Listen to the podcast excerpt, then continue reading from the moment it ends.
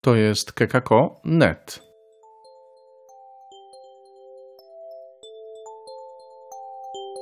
A w kekako.net między wiarą i nauką odcinek kolejny. Chrystus zmartwychwstał, witajcie.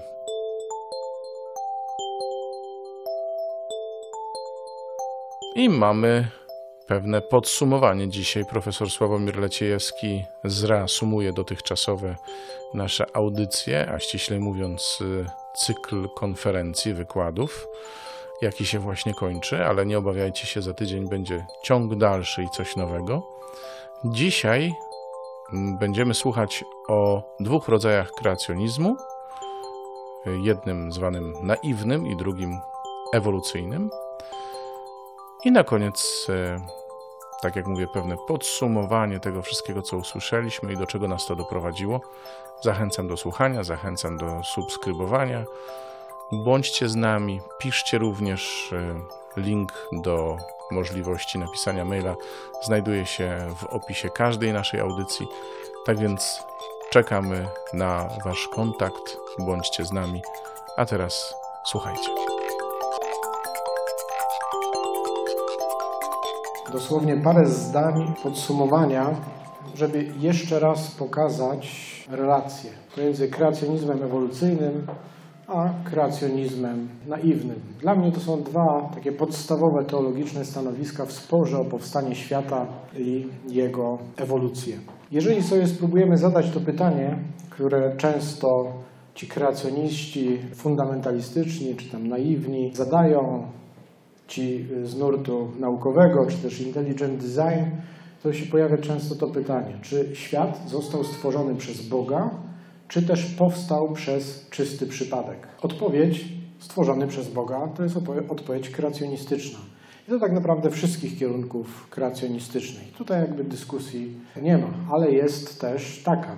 Stworzony przez Boga, a przypadek należy wyeliminować. Czyli walczmy z tym, co przypadkowe, odrzućmy teorię ewolucji, która się zdarzeniami przypadkowymi do wyjaśniania procesów ewolucyjnych posługuje. Tak? No i tutaj mamy to stanowisko kreacjonizmu tego takiego fundamentalistycznego, czy naukowego, czy intelligent design. Te stanowiska mają problem z różnymi koncepcjami ewolucjonistycznymi. Mamy też taką odpowiedź. Powstał przez czysty przypadek. Tak?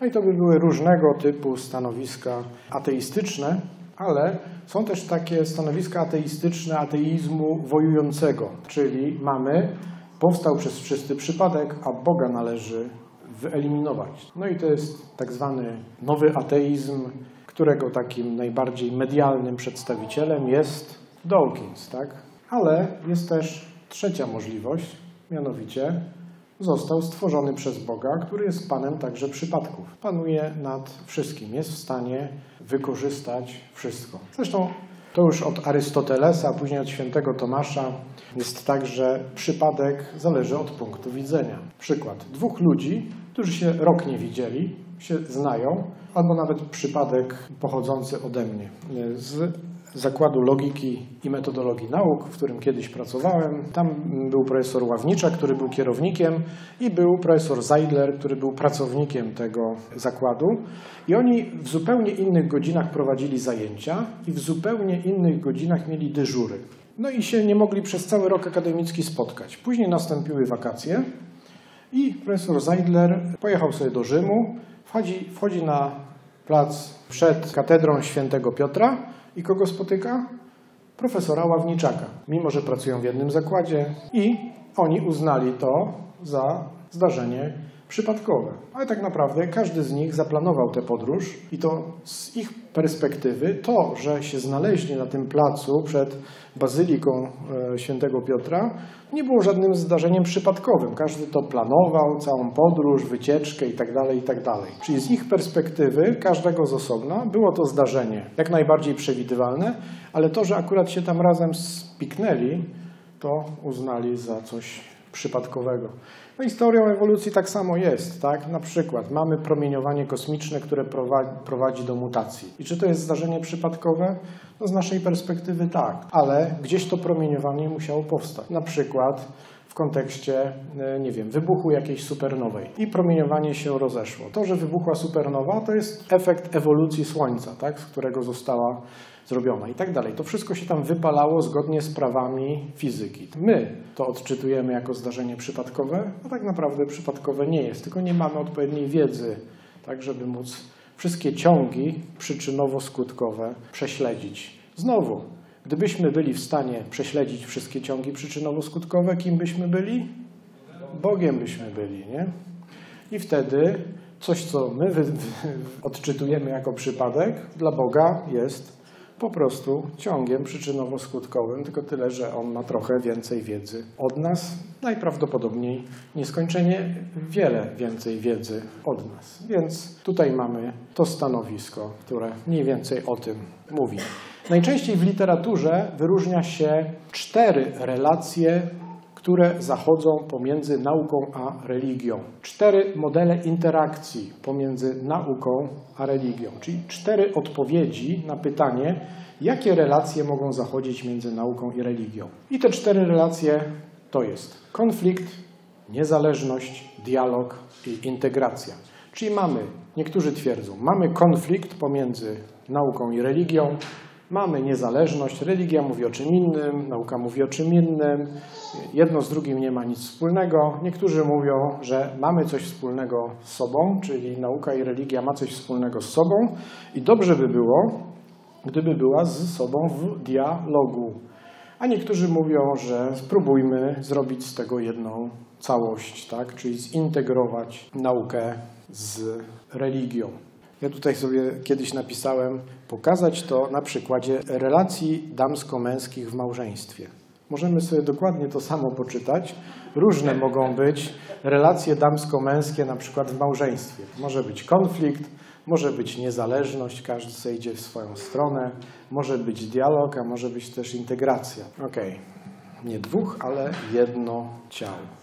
Tutaj mamy ten konflikt. Zdaniem niektórych nauka i religia znajdują się w nieustannym konflikcie. Są mega skonfliktowane.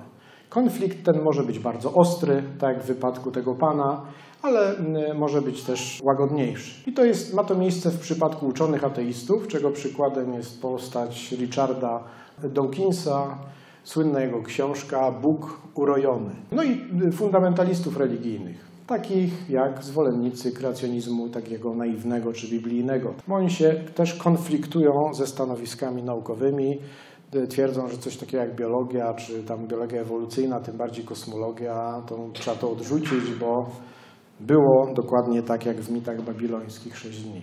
Konflikt może być również mniej widoczny. I to mamy takie stanowiska mocno konfliktogenne. Jak wiemy, jest takie przysłowie polskie, zgoda buduje, a niezgoda rujnuje. Tak? No warto o tym pamiętać. Mamy ten konflikt. Jest też niezależność. To jest też dość ciekawe stanowisko, zwłaszcza przez, propagowane przez neotomistów, czyli wielu filozofów, głównie o nastawieniu neotomistycznym, czyli tacy kontynuatorzy świętego Tomasza Zakwinu, formułowało pogląd, zgodnie z którym nauka i religia to dwie niezależne od siebie płaszczyzny. Jeśli rozum i wiara nie wchodzą w swoje kompetencje, nie dochodzi do żadnych tarć. My, my, mówimy o Bogu, a biologia mówi o czym? Na przykład także o człowieku, tak? Więc teologia nic nie ma do powiedzenia na temat człowieka, też ma coś do powiedzenia, więc taka, takie słabo stanowisko. Jeżeli z jednej strony rozum i objawienie pochodzą od tego samego Boga, to czy one mogą mówić coś innego? Zupełnie, no właśnie, to powinna być spójna wizja. Czyli to, co Bóg nam mówi o sobie i o relacjach ze sobą, to powinno być spójne z tym, co mówi nam poprzez to, co stworzył. Więc to też takie słabiutkie stanowisko. Tutaj jest taką klasyczną postacią w Polsce jest Mieczysław Krąpiec. Jest też dialog nauki i religii. Inni twierdzą, że taką naturalną relacją nauki i religii jest dialog, zapoczątkowany od tego Pana, tak? naturalną, bo co najmniej tak starą jak chrześcijaństwo i grecka filozofia. Kiedyś synonimem nauki była filozofia. Oczywiście nie zawsze dialog ten jest łatwy, ale jest on faktem powodowanym przez istnienie takich pytań granicznych. Na przykład, jaki jest sens istnienia wszechświata. I można spróbować na to pytanie odpowiadać jakoś tam naukowo i jakoś tam teologicznie. To są dwie zupełnie różne perspektywy, ale może jest tak, że one się jakoś uzupełniają. Niekoniecznie muszą, musi to być e, walka na kije baseballowe. My mamy rację, wy nie macie racji. I odwrotnie. My mamy rację, wy nie macie racji. Tutaj nie ma takiej postawy. Nauka i religia czerpały od siebie nawzajem wiele razy, konstruując własne obrazy świata. Na przykład to, co mówiłem o tej koncepcji Boga, to była de facto inspiracja teologiczna do powstania pewnego sposobu patrzenia na świat naukowego. Czyli mamy jakąś koncepcję Boga i żeby móc poznać ten świat, to musimy na ten świat patrzeć. I wypracowujemy narzędzia, pojawia się nauka. I niektórzy mówią, że cała nauka w sensie science powstała dlatego, że tak, a nie inaczej Boga rozumiemy, jako tego, który jest wszechmocny i może stwarzać tak, jak chce. Więc jeżeli chcemy zobaczyć to, co stworzył, to warto patrzeć na świat, używając rozumu, który też nam dał. No i jest też integracja nauki i religii. Można wyobrazić sobie, że teorie naukowe biorą wprost udział w tworzeniu poglądów teologicznych. Na przykład Bóg jako stwórca odwiecznego multiversum. To jest ciekawe, bo wiecie Państwo, że w tej chwili taką modną koncepcją jest koncepcja wielu światów, tak, że my jesteśmy jednym ze światów możliwych, tych światów jest nieskończenie wiele. I niektórzy mówią, no okej, okay, tak, Bóg jest nieskończony, więc dlaczego miałby się zadowalać stworzeniem jednego świata, tak? Jeżeli jest nieskończony, może nieskończenie wiele, więc może nieskończenie wiele światów stworzyć. Jakieś takie rzeczy. Tutaj y, ocierał się o to stanowisko Życiński w Polsce, ale tak naprawdę głównym przedstawicielem był Whitehead, który próbował stworzyć taką wielką syntezę nauki i religii w ramach swojej metafizyki ewentystycznej chyba, no nieważne, ale y, jest coś takiego, takie próby integracji. Mamy te cztery modele interakcji. Konflikt, niezależność, dialog i integracji. I teraz gdybyśmy wzięli taki kreacjonizm naiwny czy fundamentalistyczny, to on by do czego pasował najbardziej? Ten kreacjonizm fundamentalistyczny najbardziej niestety pasuje do konfliktu, a czasami przy pewnych interpretacjach do niezależności. Tak? My tu swoje, a wy tam se swoje myślicie i mamy was poważani. A gdybyśmy wzięli ten kreacjonizm ewolucyjny, o którym sporo mówiłem na tym poprzednim wykładzie, to gdzie byśmy mogli go usytuować? No właśnie, to, byłby, to by była sytuacja dialogu. W niektórych wypadkach, ale to już jest naciągane, tak? jakaś tam integracja. Bardziej dialog. Czyli tu byśmy mieli raczej konflikt, a tutaj najprawdopodobniej dialog, jeżeli chodzi o tę integrację. Mi się wydaje, że to jest dobre towarzystwo, ksiądz profesor Mączka, Życiński, Heller i spółka. Tak? Ten to jest taka ikona kreacjonizmu ewolucyjnego czy ewolucjonizmu teistycznego w Polsce. Ksiądz profesor Michał Heller, jego współpracownik, jeden z wielu, ksiądz profesor Mączka z UPJP2 jest tam całe grono. Powiem tylko tyle, że mamy w Polsce trzy takie wielkie uczelnie katolickie, czyli KUL, y, Katolicki Uniwersytet Lubelski, Uniwersytet Papieski Jana Pawła II w Krakowie i ATK kiedyś Uniwersytet Kardynała Stefana Wyszyńskiego w Warszawie. To są takie trzy największe środowiska i wszystkie osoby, które się tam zajmują filozofią przyrody i mówią o relacjach nauka-wiara, Mam przyjemność znać wszystkich, bo wszyscy jesteśmy w tej samej sekcji filozofii przyrody i nauk przyrodniczych Polskiego Towarzystwa Filozoficznego. No i przyjmują to stanowisko jako jedyne sensowne z ich punktu widzenia. I dosłownie na zakończenie. Wiara i rozum są jak dwa skrzydła, na których duch ludzki unosi się ku kontemplacji prawdy.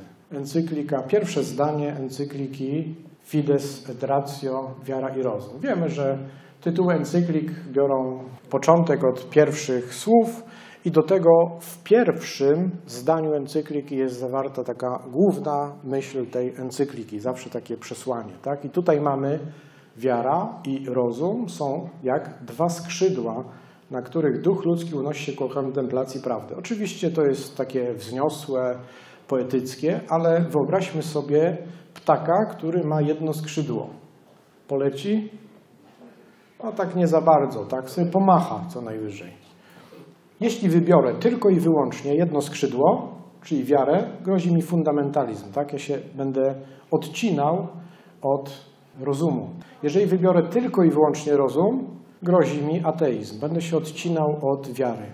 Dlatego tutaj mamy wiarę i rozum. Potrzeba nam wiary i rozumu, a nie tylko jednego, żeby móc kontemplować prawdę, które nie są w konflikcie, jak to niektórzy chcą, ale są w dialogu. No i to jest tak naprawdę to, co chciałem Państwu powiedzieć. Potrzeba nam wiary i rozumu. Nie jednego tylko, ani nie tylko drugiego, i nie konfliktu pomiędzy nimi, tylko dialogu.